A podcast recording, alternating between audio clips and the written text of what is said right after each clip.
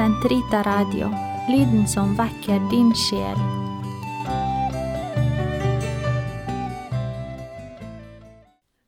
Den katolske kirkes katekisme, uke 46, mandag 897 til 903. Legfolket. Med legfolk menes her alle kristne som ikke tilhører den geistlige stand eller et ordenssamfunn godkjent av Kirken.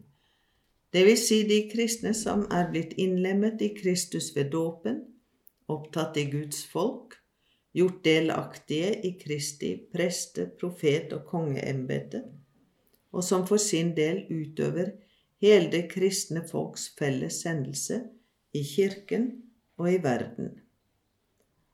Legfolkets kall Legfolket har det kall å søke Guds rike ved å ivareta de jordiske ting og innrette dem med Gud som mål. Det er deres spesielle oppgave å kaste lys over og ordne de jordiske forhold som de er sterkt engasjert i, slik at alt utvikler seg og stadig vokser med Kristus som mål og blir en lovprisning til Skaperen og Forløseren.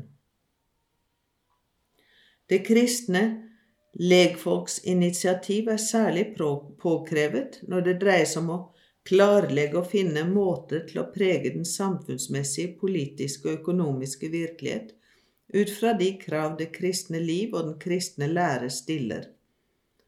Dette initiativ er en normal del av Kirkens liv. Legfolket befinner seg i fremste linje i Kirkens liv. Gjennom dem er Kirken samfunnets livsprinsipp. Derfor er det at særlig de må ha en stadig klarere bevissthet om ikke bare at de tilhører Kirken, men at de er Kirken, det vil si de troendes samfunn på jorden, ledet av det felles overhodet paven og biskopene i kommunion med ham. De er Kirken. Siden legfolket, som alle troende, har fått apostolatet som oppgave fra Gud i kraft av dåpen og fermingen, har de både rett og plikt til, enten individuelt eller sammensluttet i foreninger, å arbeide for at det guddommelige frelsesbudskap blir gjort kjent og tatt imot av alle mennesker og av all verden.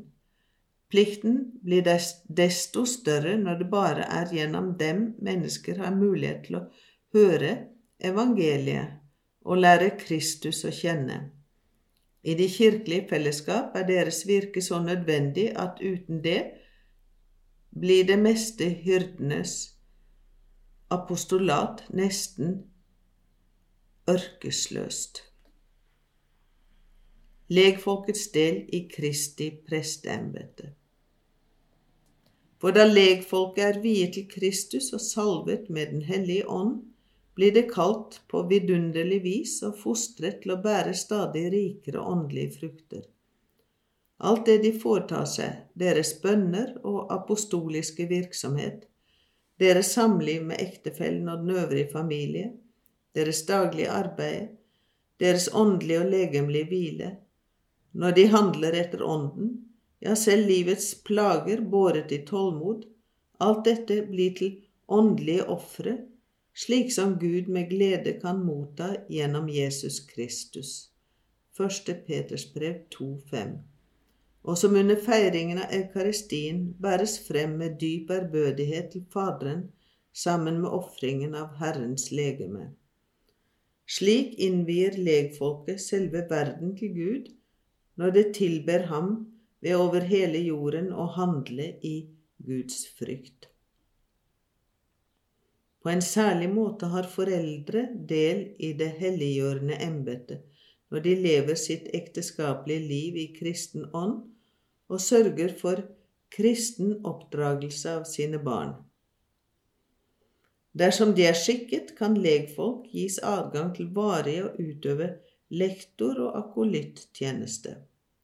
Der Kirkens behov gjør det nødvendig, og det ikke er nok klerker, kan også legfolk, selv om de ikke er lektorer eller akolytter, utfører visse tjenester i henhold til lovens bestemmelser. De kan være ordets tjenere, ledere av liturgiske bønner, foreta dåp og dele ut Den hellige kommunion.